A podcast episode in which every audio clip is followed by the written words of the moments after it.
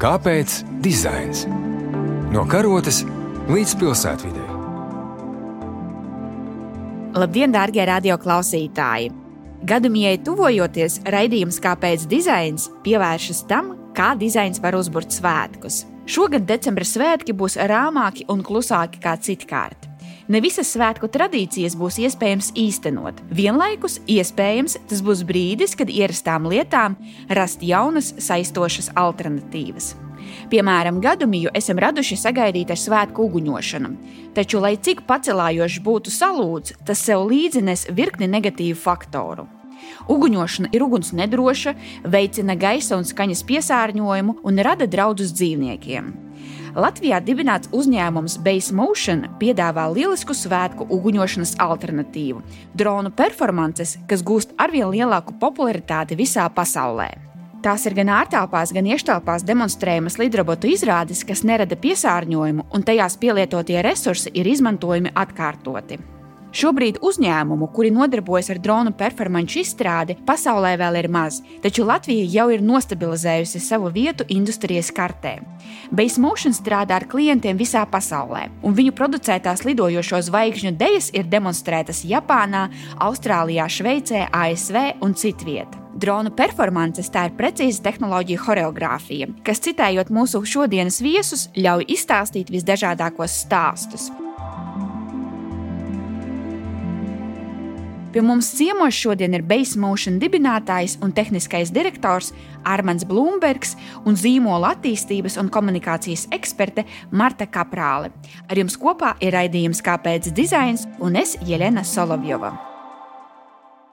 Sveiki, mani sauc Armāns Blūmbergs. Es nodarbojos jau gandrīz 20 gadus ar mediju mākslu, gan kā režisors, gan kā montāžas režisors, gan kā producents. Tagad pēdējos pāris gadus mēs intensīvi nodarbojamies tieši ar dronu šovu dizainu, animāciju un uh, programmēšanu. Veidojam gan ārtelpu dronu šovus, ko iespējams mūsu klausītāji ir redzējuši sociālajos tīklos, dažādos pasaules nostūros. Un uh, arī pēdējo gadu nodarbojamies tieši ar iekštelpu dronu šovu izveidi un implementāciju kā tādu jaunu, inovatīvu produktu. Mani sauc Marta Kaprāla, un tas, ar ko es nodarbojos, ir zīmola komunikācija un attīstība. Kā es vienmēr saku, man ļoti patīk uzburt tās vīzijas.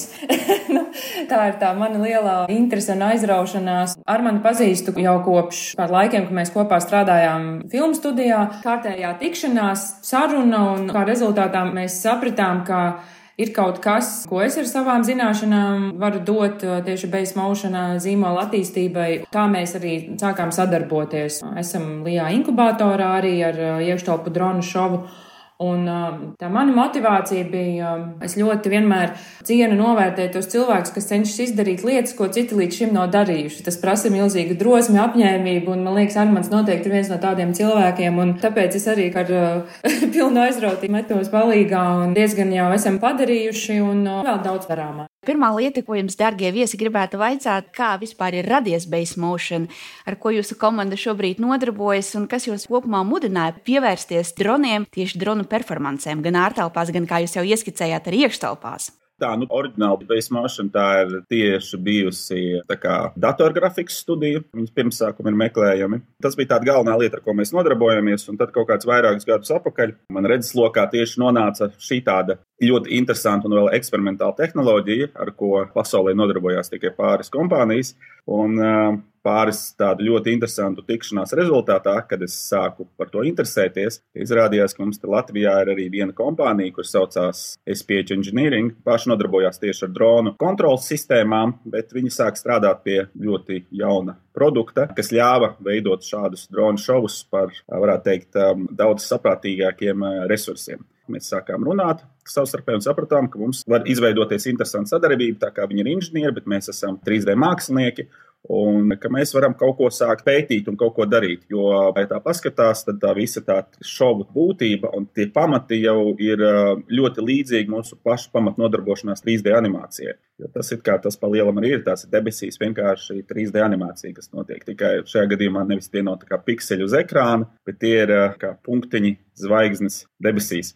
Tad mēs sākām veidot pirmos projektus. Divu gadu atpakaļ mēs palaidām sadarbībā kopā ar viņiem pirmo šovu tādu Ziemassvētku apsveikumu. Varbūt ir redzēts, visā pasaulē diezgan plaši aizgāja mūsu izveidotais video, kur briedis Rudolfs pa debesīm skrēja. Tas, principā, bija ļoti labs sākums. Tā mēs ar to arī sākām nodarboties. Tas bija turpinājums tam, ko mēs jau darām, tikai mazliet citā virzienā, bet varējām pielietot jau līdz šim gūtās zināšanas, mazliet pielāgojoties un kaut ko jaunu eksperimentējot. Jā, es piebildīšu arī par tehnoloģiju. Tas, ko mēs ar Armānu esam secinājuši, un kas jau pasaulē zināms, varbūt mazāk Baltijas valstīs, kā iekštelpu dronu šovi, viņiem ļoti plašs pielietojums. Tas var būt gan skaists šovs pasākuma laikā, privātā pasākumā, zīmola komunikācijā pasaulē ļoti plaši tiek pielietots koncertos, konferencēs un vēl daudz kur citur. Tā unikalitāte ir tāda, ka ar tehnoloģiju palīdzību mēs varam izstāstīt ļoti daudz stāstu, ja tā varētu teikt. Un bija plānots 18. novembrī pasākums Nacionālajā bibliotēkā, kur ar dronu tehnoloģiju palīdzību mēs gribējām izstāstīt skaistu latviešu rakstu un zīmju stāstu. Diemžēl ir Covid ārkārtas situācija, pasākums nenotika, bet mēs ļoti ceram, ka tas notiks nākošā gada sākumā. Un, jā, un es domāju, tas, ka ar šādu tehnoloģiju palīdzību mēs varam uzrunāt jaunāku auditoriju, un ne tikai tiešām tā ir tāda unikāla lieta. Un, Vēlreiz uzsvēršu, Baltijā. Nu, laikam būs Armāns pirmais.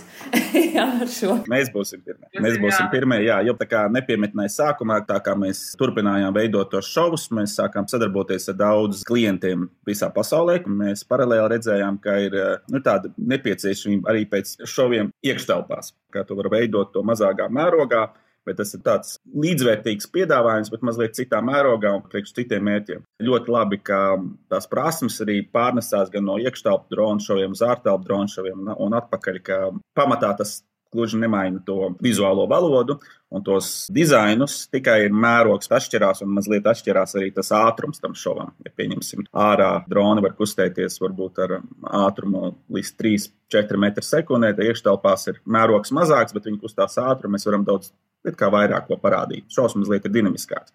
Varētu teikt, priekšrocība ir iekštelpu dronu šoviem, ka viņi var būt dinamiskāki, ātrāki, bet ārtelpu dronu šoviem ir tas, ka viņi ir lielāki un tādi episkāki, gigantiskāki izmērā. Tur katram ir savi plusi un katram ir savi mīnusi. Un jūs tik skaisti formulējat to, ko jūs darat, ka jūs stāstat stāstus ar šo jauno tehnoloģiju palīdzību, jā, tad izmantojot šo jauno mediju, runājot it kā caur to un par to, ko jūs pazīstat, bet pilnīgi jaunā formā.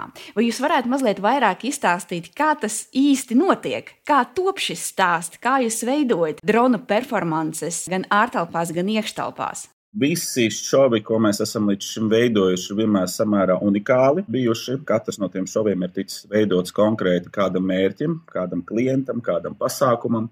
Un izgatavošanas sākuma stadijā notiek padziļināta komunikācija ar klientu tieši, ko mēs gribam pastāstīt, kā mēs to stāstām, kas tas pasākums ir. Izvēlamies būtiskākos vizuāļus, jo ir tāds būtisks aspekts, ka dronu nav, varētu teikt, Ir ierobežots daudzums atkarībā no pasākuma mēroga. Šovs var būt sākot no 20 droniem. Augšējā tā robeža gluži nav noteikta. Tur var būt 100, 1000 droni, bet pārsvarā vienmēr tas aprobežojās vidēji pie kaut kādiem 50, 100 droniem, nu dažreiz 200 droni. Bet, jebkurā gadījumā tas ir samērā mazs skaitlis, nu tie ir 200 punktiņi debesīs. Un tad mums ir ļoti cītīgi jāpiestrādā un vajag ļoti savu radošumu pielietot, lai mēs varētu saprast, ko mēs varam ar to ierobežoto punktu skaitu parādīt. Kad mums izveidojas ideja par to scenāriju, tad mēs padziļināti strādājam ar mūsu māksliniekiem, lai mēs tos vizuāļus varētu izveidot, lai viņi būtu gan mums saprotami, gan arī cilvēkiem, kas viņus skatīsies, lai būtu saprotami, ko mēs gribam stāstīt. Ja redzēts agrīnās 80. un 70. gadu sākuma datorgrafiks, ka viss bija tāds ļoti pikseļains, tad šajā gadījumā mēs atkal mazliet atgriežamies pie tā atpakaļ. Kā ir ar ļoti vienkārši tādām ierobežotām metodēm mums kaut kas ir jāpastāsta. Tad mēs ķeramies pie darba, un mēs eh, dažu nedēļu, dažreiz mēnešu laikā to visu izveidojam, kad viss ir izveidojama animācija atbilstoši tieši tam, kāds tas šovs izskatīsies, kā tādu vizualizāciju. Un tad, kad viss, visiem patīk, un mēs esam visi apmierināti ar to, ko mēs esam uztaisījuši, tad uh, tiek uh, tas viss pārvērsts programmatūrā, kas tiek aizsūtīti klientam kur tad savos dronos to visu ielādē iekšā. Atbilstošajā pasākuma laikā tas tiek palaists. Katram klientam drona daudzums ir dažāds. Ir klienti ar 20 droniem, klienti ar 50 droniem, klienti ar 100 droniem, ar 200 droniem. Un tāpēc ir, ka katru reizi mēs veidojam no nulles. Ja kādu brīdi mēs pašā sākumā domājam, ka mēs varam izveidot kaut kādus dažus šovus, ko mēs vienkārši aizsūtām, nu, tad sapratām, ka tās prasības katru reizi ir savas, apstākļi vienmēr ir savi. Nonāca tā, ka mēs tomēr katru reizi veidojam visu no nulles.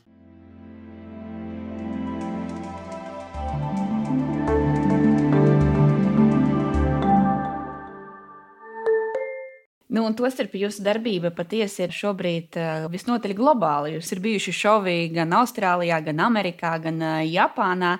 Un jūs jau pieminējāt, ka iespējas ir nu, nereti dažādas šiem dažādajiem klientiem, bet uh, kā ir ar kultūra atšķirībām? Vai ir kāda atšķirība, vai jūs strādājat ar klientiem Japānā, vai jūs strādājat ar klientiem Latvijā, vai šo aspektu jūs arī kaut kādā mērā izjūtat? To izjūtam tieši paši to vizuālo elementu izveidē bet uh, to mēs risinām uzreiz padziļinātā komunikācijā ar klientu vai pasūtītāju. Pieņemsim, tas tiek veidots priekš, kad Japāņi tur jaunā gada svinībām, tad mēs vienmēr uzreiz ar viņiem komunikācijā izvelkam ārā, kādi ir viņi tie raksturīgie vizuālie tēli, ko viņi gribētu redzēt. Mēs piedāvājam savas lietas, un viņi atsūta savas lietas, un mēs tādā kopējā komunikācijā vienmēr to izveidojam. Vienmēr jau klientiem ir, ko viņi grib redzēt. Protams, ir bijuši gadījumi, klients nezina, ko viņš grib. No, tad mēs vienkārši piedāvājam, ko stāstīt. Viens no mūsu pirmajiem šoviem bija Libānā, divu gadu atpakaļ.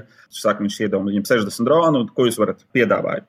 Un tad mēs izveidojām debesīs tādu tā kā tieši Libānas vēsturi, mazliet palasot viņu leģendas un teikas. Izveidojām ļoti brīnišķīgu stāstu, kas tiešām visiem ļoti patika. Tas bija viens no gadījumiem, kad no klienta puses deva mums brīvību izveidot. Piebildīšu vienu lietu, mm, kas man šķiet mm, izceļama. Kā Armāns minēja, īstenībā visi globāli spēlētāji viens otru jau zina un, un visi strādā ļoti profesionāli. Man liekas, tas ir labs pierādījums tam, ka nu, kā saka, mazā Latvija ja, jau spēlē globālajā arēnā. Tas ir vēl viens ļoti unikāls stāsts, ka mēs varam un varam sacensties arī ar lielvalstīm. Nē, nu mēs to tajā brīdī esam. Mēs esam viena no dažiem uzņēmumiem pasaulē, kas tikai tieši ar to nodarbojās. Protams, paredzam, ka nākotnē ar vien vairāk pievienosies šajā te, bet to tajā brīdī mums ir neliela kā, priekšroka ar mūsu zināšanām, ko mēs esam tagad um, šo dažu gadu laikā guvuši. Viena lieta, ko es noteikti gribētu akcentēt jūsu stāstā, ir jūsu izvēlētā medija ilgspējība. Jo, ja mēs salīdzinām drona šovus ar klasisko ierasto pirotehnikas uguņošanu, protams, ka šāds risinājums ir dabai, dzīvniekiem daudz, daudz draudzīgāks. Varbūt jūs varat mazliet plašāk komentēt, ko ilgspējība kopumā nozīmē jūsu darbībām. Tad, kad es iesaistījos, un es arī pēc ilgām sarunām ar Armānu, mēs centāmies atrast to uzņēmumu stāstu, kura pamatā ir arī iesaistīto cilvēku attieksme pret lietām un, protams, pārstāvot Latviju, kā jau minēju, globālajā arēnā. Un, Mēs zinām, ka Latvija ir viena no zaļākajām valstīm pasaulē pēc pētījumiem. Un, kā es Armandam teicu, man viņa ir viszaļākā. Armands vēl par to tā pasmaidīja, bet es arī tieši šo, ja varētu teikt, izcēlu kā vienu no svarīgākajām vērtībām. Tā kā es teiktu, šī ilgtspējība, šī iestāšanās par tiešām mums personīgi svarīgām lietām ir um, uzņēmuma manifesta pamatā, ja tā varētu teikt. Tā tas ir un tas ir ļoti svarīgi. Un drona tehnoloģija, es domāju, ka ir uh, lielisks pierādījums tam, ka tehnoloģiju var izmantot, bet daudz um, dabai saudzīgākā veidā. Un Armāns var pastāstīt jau precīzāk par to. Nu jā, kā Marta teica, tas ir viens no tādiem mūsu vadmotīviem tieši darbošanās kompānijas, tieši par to sustainability. Un tā ir, ka šis te tehnoloģiskais risinājums veidojās kā nu, savu veidu alternatīva uguņošanai, kas, protams, ir skaisti, bet nes līdzi daudz mīnusu, kas ir ne tikai troksnis, bet tas ir arī piesārņojums un tas arī ir dažāda uguns nedrošība. Ja pavērojam pasaules tendenci, tad daudz kur valstīs, sevišķi dienvidu valstīs, ar uguņošanu tiek arvien vairāk ierobežota, citur vairs vispār viņa kā izliegts ir um, tā uguņošana. Un tāpēc šī tā kā alternatīva tieši tā vietā nodrošina arī mērogā un efekta ziņā līdzīgu kā uguņošana, tikai mazliet, mazliet savādāku. Un plus tas, ka, ja, piemēram, salīdzinot ar uguņošanu, tu izšauj un sadedzini, ja, tad šajā gadījumā tie droni mēs viņus nesadedzinām. Mums viņi ir, un viņas var izmantot neskaitāmas reizes. Tāpēc tā rezultātā arī tiek ietaupīti daudz vairāk resursi. Troksnis gandrīz praktiski nav, skaņas arī piesārņojuma arī praktiski nav, visi viņi darbojās elektroniski. Un, um, tas nāk tā kā vietā. Un tas ir galvenais aspekts, ka viņi ir ļoti saudzīgi dabai. Viņi var tikt izmantoti tiešām tur, kur par uguņošanu nevar būt pat runas. Tic sevišķi iekštelpās. Vēl viena lieta, ko es varbūt nobeigumā gribētu jums jautāt, tieši no dizaina perspektīvas, ir par dronu attīstību kopumā. Mēs zinām, ka tā ir šobrīd milzīga industrija, kas attīstās ļoti, ļoti ātrā tempā, un ka droni jau mūsdienās tiek izmantoti visdažādākajās jomās ar visdažādākajiem mērķiem un uzdevumiem. Varbūt jums ir kādas prognozes, kā dronu nozare attīstīsies turpmāko 5, 7 gadu laikā, kā tas mainīs mūsu komunikāciju, kā tas mainīs mūsu sadzīvi, kādi būs pozitīvie aspekti, ko droni mums nesīs, un varbūt arī kādas bažas par negatīvajiem ienāk prātā. Es domāju, ka mēs dronu pielietojumu redzēsim ar vien vairāk un vairāk. Ja mēs skatāmies pasaulē, tiek um, droni ar vien vairāk izmantoti visdažādākos uh, aspektos, dažādās industrijās, sākot no izklaides industrijas, par tiem pašiem dronu šoviem, tiek veidotas dronu sacensības, tad arī militārajā jomā, ka nevis ar lidmašīnām lido, bet vienkārši ar vien vairāk tiek sūtīti dažādi izlūkdroni. Tad arī piegādes ziņā, kā no, mums viena no lielākajiem uzņēmumiem pasaulē, Amazon, jau kādu laiku eksperimentē ar dronu piegāžu sistēmu, kad nebrauks pie tevis pasniegs uz mājām, nevedīs paciņu, kurjeris, bet atlidos drons un atstās. Dažās pilsētās notiek jau eksperimentāla līmenī tāda testa. Tad arī tieši no likuma uzraudzības aspekta mums pat Latvijā nesen bija. Man liekas, ka pat šogad ceļu policisti ar droniem sekoja līdzi potenciāliem likuma pārkāpējiem. Tā kā es domāju, mēs redzēsim to arvien plašāk un plašāk. Tā kā dronus var aprīkot ar sensoriem, ar dažādām tehnoloģijām, viņas tiek izmantot tikai kā platforma, tad var iegūt uh, ļoti daudz vērtīgu datu šādā ziņā neizmantojot sevišķi daudz līdzekļu. Tas guvums tādā ziņā ir lielāks nekā ir tās izmaksas. Bet, nu, protams, kā jūs jau minējāt, arī tie mīnusi mazliet ir. Jā, nu, Ja mums ir vairāk droni, tad tās uzreiz ir kameras debesīs. No tāda aspekta tur arī varētu būt savas šaubas. Tieši tas privātuma jautājums varētu teikt par to rūpes. Bet, kā mēs zinām, dotajā brīdī nav vairs tas laiks, kad ar droniem varēja lidot jebkurš un jebkā un filmēt jebko, ko grib. Tagad tās atļaujas tik brīvi tā nepalidos, kā tas bija. Nu, pie tā arī strādā, lai to mazliet arī iegrožotu. Bet, jebkurā gadījumā, mans skats uz to ir ļoti optimistisks. Es domāju, ka ilgtermiņā mēs no tā būsim vairāk ieguvēji nekā zaudētāji. Varbūt tāda piebilde par uh, to, ka mēs esam Lijā inkubatorā, kas mums arī šķiet lieliski iespēja arī uzņēmumiem, kas ir sākuši jaunu, jaunu virzienu attīstīties. Par to mēs sakam lielu paldies un ļoti novērtējam to doto atbalstu. Un uh, sastopot daudz citu uzņēmumu pārstāvjus, tie, kas sāk savu uzņēmē darbību, mēs, protams, redzam, cik tas nav vienkārši, un, un vēl ir covid, un uh, cilvēki ir ļoti satraukušies, ir neziņa, ir globāla neziņa, un šī kopiena, kas tur izveidojusies, arī tiešām ir lielisks atbalsts, un par to arī vēlamies teikt visai uh, Lijā inkubātora komandai. Un man šķiet, ka es vēl atgriezīšu pie tiem stāstiem, pie tā, ka, kā es saku, Latvija var, tad man liekas, ka šāds atbalsts ir ļoti būtisks. Nu jā, mēs zinām, ka tas nav viegls ceļš, bet šīs atbalsta iespējas ir ļoti būtiskas un svarīgas, un man liekas, ka tas ir ir viena no lietām, ko mums Latvijai vajadzētu darīt, kā pievērsties tiešām un dot iespēju šiem jauniem uzņēmumiem attīstīties. Jo tie globālie noteikumi ir mainījušies, cilvēki sāk saprast, ka viņi paši var lietas kaut kā darīt savādāk, var kaut ko sākt jaunu, ir jauns pieprasījums, tāpēc man liekas, nu tāda ļoti būtiska lieta tieši par to, ka dod iespēju šiem uzņēmumiem un atbalsta viņus. Jā, tiešām pareizi Mārcis saka, ka tiešām esmu pateicīgi par to, ka mm, inkubators mūs pieņēma savā pulciņā, un tas tiešām deva tādu grūdieniņu.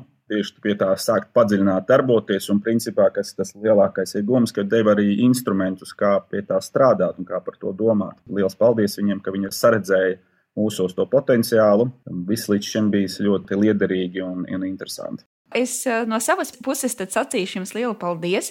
Paldies par iedvesmojošo stāstu, un paldies, ka arī mudina citus eh, nebaidīties strādāt ar savām idejām. Un patiesi, kā vairāk kārtīgi šodien jau ir izskanējis, ka Latvija var un patiešām varam globālā mērogā. Es vēlēšu jums gaišu, dronu šoviem bagāti jauno gadu, lai izdodas īstenot arī to, ko varbūt šis tiešām sarežģītais laiks šobrīd ir liedzis, un jā, lai top. Paldies jums liels! Paldies!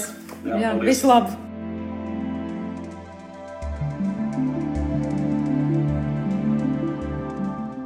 Paldies arī jums, dārgie radioklausītāji, ka bijāt kopā ar mums. Redījums Kāpēc dizains vēl jums gaišus Ziemassvētkus un laba dizaina bagātu jauno gadu. Uz tikšanos!